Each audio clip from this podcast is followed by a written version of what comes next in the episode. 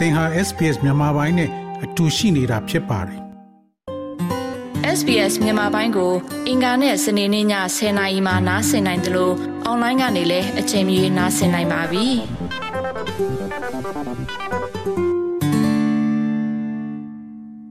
မြန်မာနိုင်ငံသားတွေတွာလာနေကြထိုင်းမြန်မာနယ်စပ်မဲဆောက်မြို့ရဲ့ပုံမှန်စီကားရာနေရာတွေဟာအခုရက်ပိုင်းမှာတော့6ကက်လိုနေပါတယ်။ ထိုင်းလာဝက လူဝင်မှုကြီးကြပ်ရေးအဖွဲ့တွေပါတယ်စုပေါင်းစစ်ဆေးရေးအဖွဲ့တွေ မြို့အနှံ့ ရှာဖွေ စစ်ဆေးမှုတွေလှုပ်ဆောင်မယ်ဆိုတဲ့ သတင်းတွေကြောင်းပါဒီလိုသတင်းတွေ ထွက်ချိန်ဆို မဲဆောက်မြို့မှာ တရားမဝင် လာရောက်ခုံလုံနေရတဲ့ မြန်မာဒုက္ခသည်တွေဟာ စစ်ဆေးဖမ်းဆီးခံရမှာကို စိုးရိမ်စိတ်တွေနဲ့ အိမ်ထဲက အိမ်ပြင်အောင် မထွက်ရဲကြပါဘူး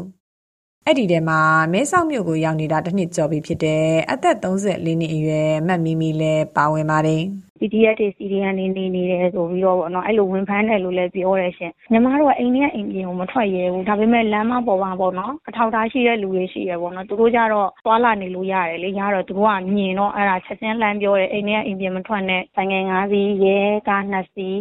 ဟိုစစ်ကားတစ်စီးပေါ့နော်အဲ့လိုမျိုးနဲ့ဖမ်းသွားတာလို့ပြောတယ်ညီမတို့ကအခုလောလောဆယ်တော့အိမ်ထဲမှာတကားပိတ်ပြီးတော့ပေါ့နော်ငြိမ်နေတယ်တန်လည်းမထွက်ဘူးပေါ့အမြဲတမ်းပဲအဲ့လိုတန်ကြားပြီဆိုလို့ရှိလို့ရှိရင်လူတွေကနေအဲ့လို မပြောတော့ဘူးစားလို့လည်းမဝင်တော့ဘူးပြန်မလားရင်တော့ပြီးတော့အဲ့လိုတဒန်းတဒင်းကိုနားဆင်နားဆင်ပြီးတော့အိမ်ထဲနေနေအဲ့လိုပဲနေနေရမမီမီဟာနှွေဦးတော်လိုင်းရေးအတွက်ထောက်ပို့နေရမှာတတတအားပါဝင်နေသူတူလည်းဖြစ်ပါတယ် ပြည်ရင်းနယ်မြေ မတည်ငြိမ်မှုတွေနဲ့ ဒေသအတွင်းတိုက်ပွဲတွေ စစ်တပ်ရဲ့ လိုက်လံဖမ်းဆီးမှု အသက်အန္တရာယ်ချိန်ချောက်မှုတွေ လေကြောင်းတိုက်ခိုက်မှုတွေကြောင့် မမီမီတို့လို ထွက်ပြေးတင်းရှောင်လာရတဲ့ မြန်မာပြည်သူတွေဟာ နီးစပ်ရာကနေ ထိုင်းနိုင်ငံကို နယ်စပ်ဖြတ်ကျော် ခိုလုံခဲ့ကြရတာပါ အဲ့ဒီလိုတင်းရှောင်ခိုလုံပြီးတရားမဝင်နေထိုင်ကြရတဲ့အခါထိုင်းအာဏာပိုင်တွေရဲ့စီမံချက်ဆိုတဲ့အချိန်ကာလတွေတိုင်းဖမ်းဆီးခံရနိုင်ခြေရှိတဲ့မလုံခြုံတဲ့အခြေအနေကိုရင်ဆိုင်ကြရတာဖြစ်ပါတယ်။ကရင်နဲ့ထိုင်းနယ်စပ်မဲဆောက်မြို့ရှိရာတက်ခရိုင်မှာတော့စစ်အာဏာသိမ်းပြီးနောက်ပိုင်းတင်းရှောင်ခုံလုံလာတဲ့မြန်မာရွှေ့ပြောင်းအရေးအတွက်ဟာ၄တန်းကျော်ရှိနေပါတယ်။ ဒါဟာတနိုင်ငံလုံးကနေထိုင်းနိုင်ငံနယ်စပ်နေရာစုံကိုရွှေ့ပြောင်းလာတဲ့စုစုပေါင်းလူဦးရေ9တန်းကျော်နဲ့ရှင်ရင်ထက်ဝက်ကျော်ရှိနေတဲ့ပမာဏပါဒီလိုရွှေ့ပြောင်းလာသူဦးရေများလာတာနဲ့အမျှနောက်ဆက်တွဲအနေနဲ့ထိုင်းအာဏာပိုင်ဖွဲ့စည်းတွေဖြစ်တဲ့စစ်တပ်ရဲလာဝကတွေရဲ့စစ်ဆေးဖမ်းဆီးမှုတွေကိုအများဆုံးကြုံတွေ့ရတဲ့ဒေသတစ်ခုလည်းဖြစ်လာပါတယ် အဲ့ဒီအခါပုံမှန်နေ့စဉ်လိုအပ်ချက်တွေအတွက်အပြင်ထွက်သွားလာဖို့ဒါမကအိမ်ထဲမှာနေရင်တော့ဝင်ဖမ်းမှာစိုးရင်ရတဲ့လုံခြုံရေးအခြေအနေကြားမှာစိတ်ရောကိုယ်ပါတိကျမှုတွေကိုခံစားရသူတွေလည်းရှိလာပါတယ်။မဲဆောက်မြို့မှာရောက်ရှိခိုးလုံနေထိုင်နေတာတစ်နှစ်ကျော်ပြီဖြစ်တဲ့အသက်26နှစ်အရွယ်ကချင်အမျိုးသမီးတူကလည်းရဲဒီရဲတွေထိုင်းရဲတွေပဲချင်းဘယ်လိုပါများဆိုတော့ဗောနော်အမြဲ ကြည့်ပြီးမှပဲပေါ့နော်ထွက်တယ်သူတို့ဘယ်နားမှာ gate ပါညာအဲ့မျိုးချထားတယ်ပေါ့နော်အဲ့ဒီမျိုးတွေကိုကျွန်မ like ဖက် like ကြည့်မှပဲအဲ့လိုမျိုးထွက်တယ်ပေါ့နော်အဲ့လိုမျိုးအခြေအနေမကောင်းရင်ကအရန်အရေးကြီးတာရှင်လည်းမသွားလိုက်ရတာတွေရှိရပေါ့နော်အဲ့လိုမျိုးပဲအသက်နိုင်ဆိုတာဒီမှာကျွန်မအနေနဲ့ပေါ့နော်အိမ်ထဲမှာပဲနေလိုက်တယ်အိမ်ပြင်မထွက်ဘူးအိမ်ထဲမှာပဲနေတဲ့ခါကျတော့စိတ်ပိုင်းဆိုင်ရာအခြေအနေပေါ့နော်စိတ်ပိုင်းဆိုင်ရာတွေမှာ ပြဿနာတွေလေးလေးတွေရှိလာတယ်ပေါ့နော်ပြီးအိမ်ထဲမှာနေရင်လည်းထိုင်းရဲတွေကပယ်ချေအိမ်အိမ်မှာဝင်စစ်မလဲပေါ့နော်အဲ့လိုမျိုးဝင်စစ်တာတွေလည်းရှိရဲ့ခါကြတော့အဲ့ဒါတွေကိုလည်းကြောက်ရပါပေါ့နော်တစ်ခါခါအိမ်ရှိကနေသူတို့ဖြတ်သွားရင်တော့မှသူတို့ရဲ့ဆိုင်ကယ်တန်ကြားနေကိုတောင်မှကျမတို့အမျိုးကြောက်နေရလက်နေရတာပေါ့နော်အဲ့လိုမျိုးတွေရှိတယ်နေတိုင်းပဲပေါ့နော်အဲ့လိုမျိုးစိုးရင်စိတ်နဲ့ပဲ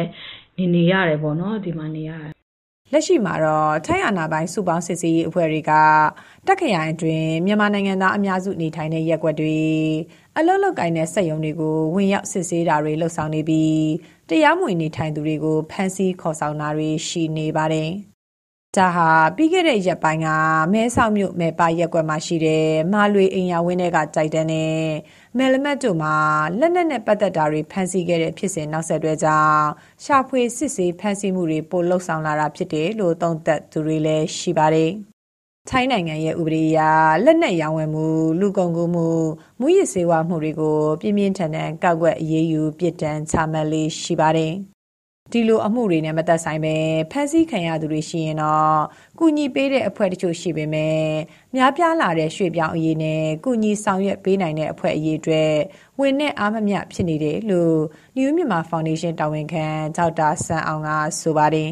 ထိုင်းကတစုံတစုံတွေကတော့နားလည်မှုပေးပါတယ်။နားလည်မှုနဲ့တော့ကျွန်တော်တို့နေထိုင်ခွင့်တော့ပြုထားတယ်ပေါ့နော်။တရားမဝင်နေထိုင်ခွင့်တော့ကျွန်တော်တို့ပြုထားတာရှိတယ်။သူတို့ထိုင်းကလည်းပဲကျွန်တော်တို့သတ်မှတ်ထားတာက illegal illegal ပေါ့နော်။တရားမဝင်ခိုးဝင်လာတဲ့လူတွေဆိုပြီးတော့သတ်မှတ်ထားတယ်။ဒီတိုင်းပဲဘယ်လိုပဲပြောပြောကျွန်တော်တို့ဒီရဲဟောလို့ပေါ့နော်။ကျွန်တော်ဒီကြားထဲမှာလည်းပဲသူတို့ရဲ့ exploitation ပေါ့အမျက်ထုတ်တာကြီး။တော့ဖမ်းနေငွေညှစ်တယ်ဆိုတာအဲ့ဒါကြီးကတော့ရှိကြတာပဲ။ဆိုတော့ကျွန်တော်တို့ကတော့မြင်တာကတော့ဒီ အဲ migrant workers တွေပေါ့နော်။နောက်ပြီးကျတော့ political refugees ပေါ့နော်နောက်ပြီးစစ်ဘေးရှောင်ပေါ့နော် wild refugees တွေဆိုတော့ဒီလူတွေရဲ့ကျွန်တော်တို့ဒီစိတ်လုံးကြုံရေးနော်ကိုလုံးကြုံရေးနော်နောက်ပြီးခုနကအဲရက်ဒီရေးနော်နော်ဝင်ငွေရရှိရေးနော်ဒီမှာကျွန်တော်တို့ဒါကြီးကကျွန်တော်တို့ရဲ့အရေးကြီးတယ်လက်ဆောင်မေးရဆိုတာကျွန်တော်တို့တခုတည်းမကောက်အကုန်လုံးကတော့ဒီမှာလေအဲဒီ migrant ပေါ့နော် migrant workers တွေရော refugee တွေရောနော် political refugee ရော အကုန်လုံးကို ကျွန်တော်တို့အကူအညီပေးတဲ့အဖွဲ့ကျန်တဲ့အဖွဲ့တွေလည်း ရှိပါတယ်နော်တော့ဆိုကြတော့ဒါပေမဲ့ ကျွန်တော်တို့ demand က များတယ်ဗျာ ဒီဘက်ကို ရောက်လာလူတွေက များတယ် လိုချင်တာတွေက လိုအပ်တာတွေက များတယ် ဒါပေမဲ့ ကျွန်တော်တို့ ပေးနိုင်တာ နည်းတယ်ပေါ့နော်ကျွန်တော်ကူနိုင်တာ နည်းတယ် အဲ့ဒီအခြေအနေတော့ ရှိပါတယ် အာနာသိမ့်မိနောက်ပိုင်း ထိုင်းမြန်မာနယ်စပ်ကို ရောက်ရှိနေတဲ့တန်းနဲ့ချီတဲ့ ရွှေပြောင်းအရေးအတွက် အကူအညီပေးနေတဲ့ အဖွဲ့အစည်းက ဆယ်ကနန်းတာတာရှိနေတာပါ ကူညီပေးနိုင်တဲ့အပိုင်းမှာလည်းစာဝင်နေရေးပြဿနာကိုသာအခိုက်အတန့်တစ်ခုထိဖြေရှင်းပေးနေပြီးဥပဒေပိုင်းဆိုင်ရာမှာတော့ထိရောက်တဲ့အကူအညီတွေမပေးနိုင်သေးပါဘူး။ဒါကြောင့်တရားမဝင်ရောက်လာသူတွေအနေနဲ့ဥပဒေနဲ့အညီတရားဝင်နေထိုင်နိုင်ဖို့အတွက်ထိုင်းအာဏာပိုင်အတိမတ်ပြုကတ်တွေကိုငွေကုန်ကြေးကျခံပြီးမဖြစ်မနေလောက်ကြရတာတွေလည်းရှိပါတယ်။ တနှစ်စာအလုပ်လုပ်ကိုင်ခွင့်နဲ့နေထိုင်ခွင့်အတွက်အလုပ်သမားကတ်လို့ခေါ်တဲ့ပန်းရောင်ကတ်ကိုရဖို့တဦးကို အမေရိကန်ဒေါ်လာ900ကနေ800ဝန်းကျင်လောက်နဲ့ညီတဲ့ထိုင်းဘတ်2000ကျော်လောက်ထိအနည်းဆုံးသုံးနေကြရတာပါ။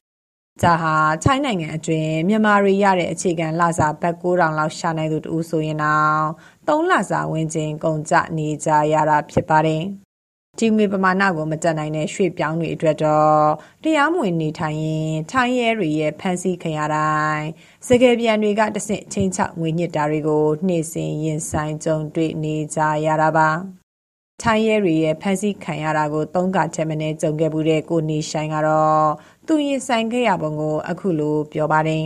ကကျွန်တော်နောက်ကနေ ကားဟွန်းတီးတန်ချစ်ကြဲကြားရင်တော့ကျွန်တော်ကြောက်တတ်တဲ့ ထဲမှာပါတယ်ပေါ့နော်ဒါဒါဒီဘက်ရောက်တော့ပို့ဆိုးတယ်ပလိတ်မြင်တာလည်းကျွန်တော်တို့ကလန့်ရတယ်ပေါ့နော် privacy ကိုအများကြီးချိုးဖောက်တယ်ပေါ့နော်ဖုန်းထဲမှာအကုန်ဝင်ကြည့်တယ်ဟို gallery ရဲ့ဝင်ကြည့်တယ် recently delete ကိုဝင်ကြည့်တယ် log ပါတဲ့ application တွေဆို log တွေဖွင့်ခိုင်းတယ်ကျွန်တော်တို့ privacy ကိုအများကြီးချိုးဖောက်ပြီးတော့တို့အနေနဲ့ဥပဒေမဲ့ကျွန်တော်တို့ဖမ်းဆီးတယ် ဥပဒေဘောင်တွေကမလုပ်ဘဲနဲ့ပတ်စံတွေတိုးတောင်းတယ်ကျွန်တော်တို့ဟိုပုံမှန်ဟိုလူတယောက်လိုဆက်ဆံခြင်းမခံရဘူးပေါ့ထိုင်းပလိတ်တွေကကျွန်တော်တို့တွေ့မြန်မာတွေတွေ့တဲ့အခါမှာသူတို့ငွေတွင်းတစ်ခုတွေ့လိုက်ကြလို့ပဲသူတို့ပတ်စံရတော့မယ်ဆိုပြီးတော့ဘလို့ပုံစံမျိုးနဲ့ဖမ်းမိသည်ဖြစ်စေအကြောင်းမျိုးမျိုးပြပြီးတော့ပတ်စံရအောင်တောင်းလို့တာပါပဲ လူကယ်ရီမှုနဲ့မျိုးထောင်ချလို့လည်းရတယ်ဟိုဘက်ကပြန်ပို့လို့လည်းရတယ်ဆိုတာမျိုးတွေပြောလာပြီးတော့အတုံတောင်တန်းတောင်းလို့တာပဲဘလို့မှ short ပြီးပါလို့လည်းပြောလို့မရဘူးအဆင်ပြေဘူးလို့ပြောလို့လည်းမရဘူးပေါ့နော်အဲငွေနဲ့မှမရှင်းရင်လည်းကျွန်တော်တို့မြန်မာနိုင်ငံပြန်ပို့မယ်ဆိုတော့ထိန်းချောက်မှုတွေကခဏခဏကြုံရတယ်ငါတို့ဟိုဘက်ကအောင်တုံလို့ရရင်နော်ဆိုတဲ့အချက်တစ်ခုလည်းပြောလိုက်တာနဲ့ကျွန်တော်တို့အနေနဲ့သူတို့တောင်းသမျှငွေကိုနည်းတယ်ဖြစ်ဖြစ်များတယ်ဖြစ်ဖြစ်ပေးရတော့တာပါပဲ အာနာမသိငင်က ထိုင်းရဲတွေရဲ့ဖမ်းဆီးခံရရင် ပြန်လဲလွတ်မြောက်ဖို့ ဘတ်ငွေရာကနန်းပေးရတာတွေက အခုဆို ထောင်ကနန်းလောက်အထိ ပေးလာကြရတာပါ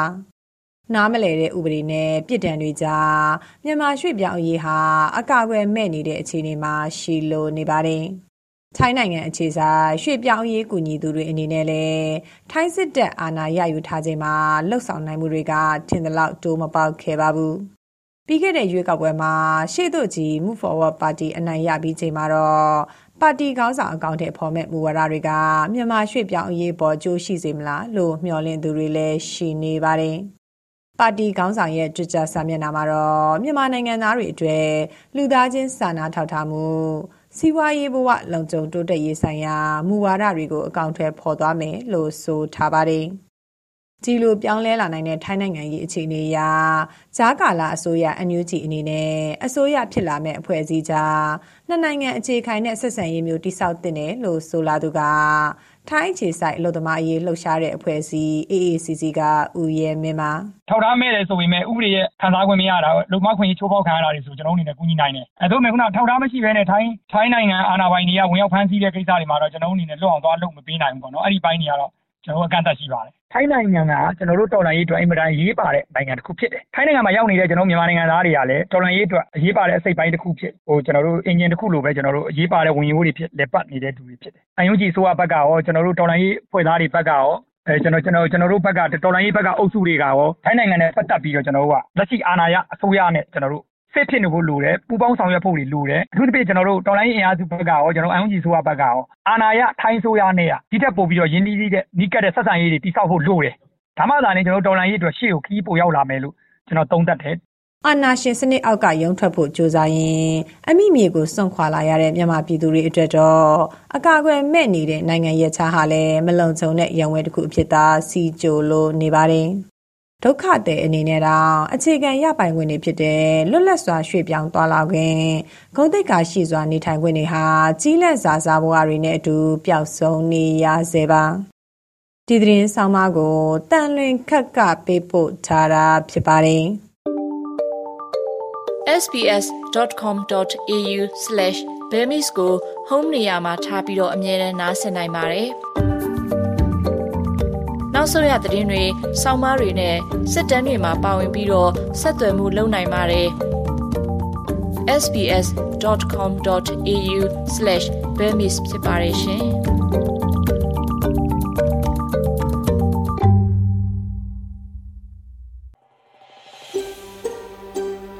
ဒါမျိုးသတင်းဆောင်မာတွေကိုပိုနားဆင်လိုပါလား Apple Podcast Google Podcast Spotify တို့မှာသင်ပင်ရာဖြစ်ဖြစ်ရယူတဲ့ podcast ကနေပါ